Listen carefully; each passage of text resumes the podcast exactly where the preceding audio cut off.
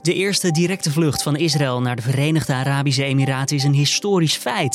Een ander feit is dat deze betere band tussen beide landen niet in smaak valt bij Iran. Dit wordt het nieuws laten we zeggen, een bezoek van de Israëlische marine aan de Perzische Golf. Of dat je gemeenschappelijke oefeningen krijgt, bijvoorbeeld in de Perzische Golf tussen de VAE um, en uh, Israël. Nou, dat zal worden gezien door de Iraniërs als enorme bedreiging. Arabist Leo Kwarte praat je zo verder bij over hoe deze eerste stap van economische samenwerking tussen beide landen voor meer handel kan zorgen in de regio. Of daar ook iets voor vrede kan betekenen, dat valt nog te bezien. Dat is zometeen, maar eerst kort het belangrijkste nieuws van nu.nl. Mijn naam is Julian Dom en het is vandaag maandag 31 augustus. Dit is de Dit wordt het nieuws middagpodcast. De storm van vorige week zorgde naast schade door omgevallen bomen ook voor een recordopbrengst van windenergie. Voor het eerst kwam deze in 24 uur boven de 100.000 megawattuur uit, waarmee bijna een derde van de Nederlandse stroombehoefte werd gedekt. Het zijn cijfers die een paar jaar geleden onmogelijk waren, maar in de komende jaren overtroffen zullen worden. Dat vertelt energie-expert Martien Visser aan nu.nl. Los van de storm is het record mede veroorzaakt door de structurele toename van het aantal windturbines. Zo is de piekopbrengst voor de windstroom in Nederland in zes jaar tijd bijna verdubbeld. Defensie is vandaag begonnen met het bergen van een Britse bommenwerper die in de Tweede Wereldoorlog is neergehaald en op de bodem van het Markermeer ligt. De operatie zal enkele weken in beslag nemen. Door te zeven worden naar waarschijnlijkheid alle brokstukken gevonden. Aan boord van toestel zaten zeven Britse en Canadese bemanningsleden. De hoop voor de nabestaanden is dat naast brokstukken ook menselijke resten geborgen kunnen worden. Het is nog niet bekend wie de Japanse premier Shinzo Abe zal opvolgen. Wel is duidelijk dat zijn opvolger een lijst met flinke economische, diplomatieke en militaire uitdagingen erft. De premier kondigde vorige week aan om om gezondheidsredenen op te stappen. De Liberaal-Democratische Partij, de LDP van Abe, kiest naar verwachting 15 september een nieuwe voorzitter. Die zal als partijleider de huidige termijn van zijn voorganger tot september 2021 uitdienen. De Verenigde Staten stoppen met de afname van beademingsapparatuur van Philips, dat meldt het bedrijf maandag. De VS haalde een streep door het contract, waardoor het bedrijf de verwachtingen voor dit jaar naar beneden zal moeten bijstellen. Oorspronkelijk zouden meer dan 40.000 stuks worden geleverd. En dat aantal blijft nu steken op 12.000 beademingsapparaten. De actie kwam voor Philips als een verrassing. In tegenstelling tot de private sector kan de Amerikaanse overheid een contract zonder opgave van reden beëindigen. En dat is nu ook gebeurd. Dan ons gesprek van deze maandagmiddag. Vanochtend vond de eerste directe vlucht van Israël naar de Verenigde Arabische Emiraten plaats. Het toestel van de Israëlische Nationale Luchtvaartmaatschappij El Al met vluchtnummer 971, dat tevens de landcode van de VAE is, vloog van Tel Aviv naar Abu Dhabi. Opmerkelijk is dat het toestel voor de reis het luchtruim van Saudi-Arabië gebruikte, iets wat nog niet eerder was voorgekomen. Wat betekent dit voor de verhoudingen in de regio en hoe bijzonder was deze vlucht? Je hoort Arabist Leo Kwarte. Nou, best wel, want het is eigenlijk de eerste vlucht tussen die twee landen, uh, officiële vlucht moet ik zeggen, in, uh, in de lange tijd dat, uh, dat beide landen eigenlijk bestaan. Hè? Dus de Verenigde Arabische Emiraten, die zijn, die bestaan eigenlijk sinds de jaren 70 pas, een vrij jong land, en hebben nooit enige relatie gehad met Israël. Um, en ja, dat, dat geldt in feite voor Israël ook, een, een redelijke nieuwkomer in de regio. En ja, dankzij de, de oorlogen die zijn geweest tussen de Arabische Staten uh, en Israël, met tot de Palestijnse kwestie, hebben de twee landen nooit enige relatie gehad. Nou zijn er in het natuurlijk onofficieel wel degelijk vluchten geweest. En een belangrijke vlucht was een, um, ja, ongeveer twee maanden geleden geweest. Wat bedoelt u dan met onofficieel? Nou ja, goed, dat is zeg maar niet een, een vlucht was die. Uh, dat, de, twee maanden geleden is er bijvoorbeeld een vlucht geweest uh, met hulpgoederen vanuit de Verenigde Arabische Emiraten. Uh, die bestemd was voor ehm, de Palestijnen in, op de westelijke Jordaan-oever. Die landde in Tel Aviv. En dat was heel opmerkelijk. Dat waren dus hulpgoederen. Ehm, maar ja, dat is natuurlijk niet een, een, lijnvlucht. Maar dat was wel in die tijd al een teken, twee maanden geleden, dat iets aan de hand was tussen Israël en de Verenigde Arabische Emiraten. Want normaal gesproken zouden dergelijke hulpgoederen nooit via Tel Aviv hè, uh, Israël binnen, binnengekomen zijn. Het was dan veel eerder gegaan via Amman, de hoofdstad van Jordanië. Nou wordt er gesproken over dat dit de eerste stap is naar het volledig normaliseren van diplomatieke relaties tussen beide landen. Uh, hoe lang zou dat kunnen duren voordat dat dan helemaal geregeld is? Ik denk dat dat vrij snel gaat, omdat beide landen dat heel erg graag willen. Um, Israël wil dat natuurlijk heel erg graag, omdat dat een enorme vorm van acceptatie is uh, door een belangrijk Arabisch land. Uh, daarom wil Israël er geen gras over laten groeien. Dat moet snel, snel gebeuren. En aan de andere kant is het voor de VAE echt een strategische stap.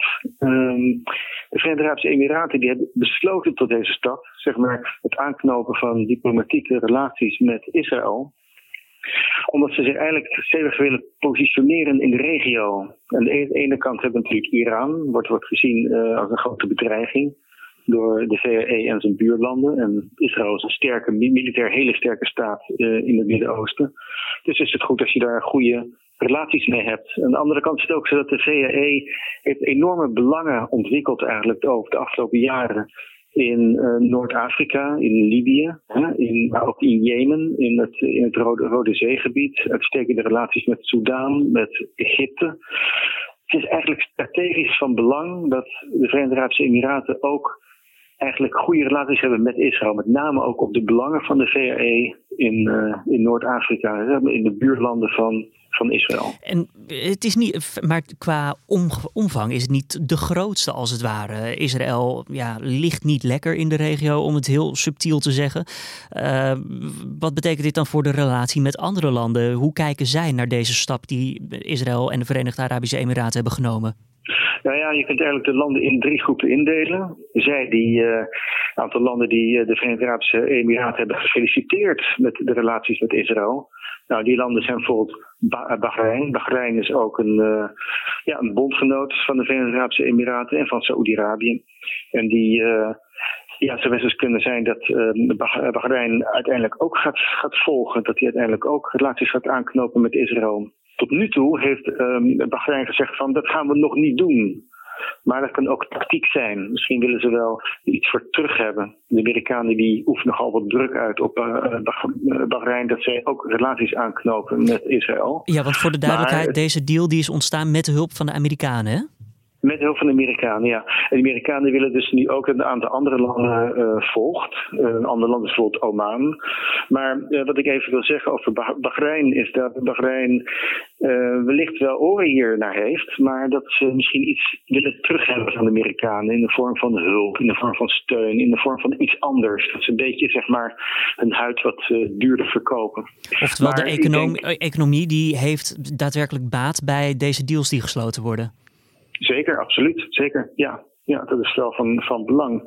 Dan heb je de landen die, die eigenlijk zwijgen. Nou, uh, een van die zwijgende landen was eigenlijk Saoedi-Arabië. Uh, die heeft eigenlijk helemaal niets laten horen. En even later, toen kwam het uit Saoedi-Arabië het bericht van... joh, maar wij gaan helemaal geen relaties met Israël aanknopen. Dan moet er eerst voor een, uh, een oplossing komen met, hè, voor de Palestijnse kwestie. Nou, is dat eigenlijk het, het officiële standpunt van Saoedi-Arabië. Maar we weten allemaal dat in het geheim er al vele, vele jaren relaties zijn tussen Saoedi-Arabië en Israël. Met name op militair terrein, op het uh, niveau van de veiligheidsdiensten. Zijn het goede relaties? Uh, coördinerende relaties, laten we het zo zeggen. Saoedi-Arabië is absoluut niet blij met een aantal dingen die Israël doet. Zoals bijvoorbeeld het, uh, uh, ja, het volbouwen van de westelijke Jordaan-oevers. zodat je, de kans op een Palestijnse staat heel erg klein wordt. Ehm, maar daarmee, daar, daarmee is Saoedi-Arabië absoluut niet blij. Het is niet zo dat ze helemaal de Palestijnse zaak de rug toekeren. Dat is het niet. Maar er zijn gewoon andere belangen, zoals de dreiging van Iran, die zijn zo belangrijk en zo dreigend voor Saoedi-Arabië. Daarom moet Saoedi-Arabië gewoon relaties hebben met Israël. Oftewel, eigenlijk Saudi-Arabië speelt aan de voorkant naar buiten toe nog ja, een afwachtende rol. Een enigszins misschien uh, rol dat ze zeggen van nou, Israël, we zijn niet tevreden hierover. Maar aan de achterkant begint steeds meer een vriendschappelijke band uh, te ontstaan. Zeker, zeker. En ik weet ook zeker dat uh, de stap die de VE heeft gezet om relaties aan te gaan met Israël nooit is genomen buiten medeweten van Saoedi-Arabië om. Omdat de twee landen, dat, ja, dat zijn bondgenoten. Ze vechten ook samen bijvoorbeeld tegen de Houthis in Jemen. Het zijn echt strategische bondgenoten op het Arabisch Schiereiland, de VRE en Saoedi-Arabië. Dus eigenlijk is het meer dat de VE zet deze stap, deze officiële stap. Saudi-Arabië zegt officieel van wij gaan dat nog niet doen. Er moet een oplossing voor de Palestijnse kwestie komen. Maar eigenlijk is het zo dat eerst de kleintjes over de dam moeten. De VAE, Bahrein, misschien later Soudaan, misschien nog, nog wat landen zoals Oman. En dat wanneer iedereen dat zo ongeveer relaties heeft aangeknoopt met Israël, dat dan de hele grote olifant ook over de dam stapt. En dat is dan Saudi-Arabië. Dat is natuurlijk een machtig land op het Arabisch Schiereiland. Maar praten we hier dan over echt een puur economische overeenkomst, omdat het gewoon interessant is voor deze landen om handel met elkaar te drijven? Of zit hier ook een politieke ideologie achter om toch voor vrede te zorgen in de regio? Nee, het gaat niet om, om, vrede. Het gaat helemaal niet om, het gaat helemaal niet om de, om, de, om de Palestijnse kwestie. Want juist het kind van de rekening zijn de Palestijnen in feite. Want, maar samenwerking kan wel voor zulke stappen zorgen, zou je kunnen denken. Natuurlijk. Wat, waar, waar, het belangrijk voor is, is uh, economische samenwerking technologische samenwerking. Je moet nagaan dat bijvoorbeeld Israël is uh, technologisch op, op wereldgebied enorm ver gevorderd. En ook op uh, militair gebied bijvoorbeeld met betrekking tot wapens en het, uh, dat soort zaken, wapens en, en militaire installaties, IT. Israël is enorm ver gevorderd daarmee. En het is nu al zo dat ehm, bijvoorbeeld een aantal Arabische landen, Saudi-Arabië en de VEE, die hebben heus wel interesse in dit soort uh, producten uit Israël. Uh, maar kunnen ze eigenlijk niet officieel kopen, omdat ja, officieel is er een boycott van Israëlische producten. Op het moment dat, je, dat het helemaal open is, dat je gewoon relaties hebt met Israël, kun je die producten gewoon kopen. Overigens is het wel zo dat er bijvoorbeeld Israëlische militaire producten al lang worden gekocht en, en werkzaam zijn in deze Arabische landen. Alleen worden ze dan zeg maar gerecapt, dan krijgen ze een andere naam. Indirect als het ware. Ja, in, in, indirect zijn die, zijn die dingen, eh, dingen, er al lang. Maar het is altijd een omweg, het is altijd een beetje moeilijk. Um, maar uh, dat zou dus nu zeg maar direct kunnen. En daarnaast is natuurlijk ook een enorm signaal richting Iran. En dat is dan een politiek doel. Nou, dat wil ik vragen inderdaad. In hoeverre zet dit tot kwaad bloed daar in Iran? De Iraniërs vinden dit vreselijk. Hè? Dat, die willen dat helemaal niet. Uh, de Iraniërs zien uh, Israël als een, als een grote, grote, grote bedreiging. Uh, Israël is natuurlijk ook een, een, klein land, maar militair heel krachtig land. En het is de, eigenlijk de enige atoommacht in het gebied. Ze hebben atoomwapens. Um, op het moment dat bijvoorbeeld deze uh, samenwerking en een akkoord zeg maar, tussen de VRE en Israël zou leiden tot, laten we zeggen, een bezoek van de Israëlische marine aan de Perzische Golf, of dat je gemeenschappelijke oefeningen krijgt, bijvoorbeeld in de Perzische Golf tussen de VRE um, en uh, Israël. Nou, dat zal worden gezien door de Iraniërs als een enorme bedreiging.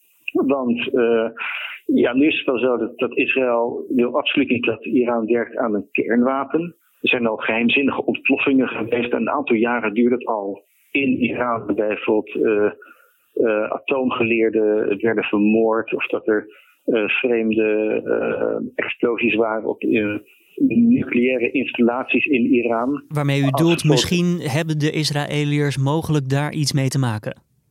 Natuurlijk is dat zo. Natuurlijk hebben er iets mee te maken. Ze zullen nooit zeggen dat ze ermee te maken hebben. Maar hè, dat, het is natuurlijk. Uh, het is een bijna publiek wel duidelijk dat, uh, Ja, dat, laten we zo zeggen. Is, Israël is, is lang niet om dat dat gebeurt. Laat ik het zo zeggen. Ja. Uh, maar als je nou bijvoorbeeld ook nog hebt dat de Israëli's een soort van semi-permanente status krijgen in de uh, Perzische Golf, omdat ze inmiddels een uitstekende militaire relatie zouden hebben met de VRE dan wordt dat gezien door de Iraniërs als een enorme bedreiging. Israël vlak bij de grens met Iran. Ja, dat is, uh, daar zijn de Iraniërs doos over. Arabiest Leo Kwarte, dank voor je toelichting. Oké, nou, graag gedaan. Dan is weer vanavond en vannacht klaart het van tijd tot tijd op.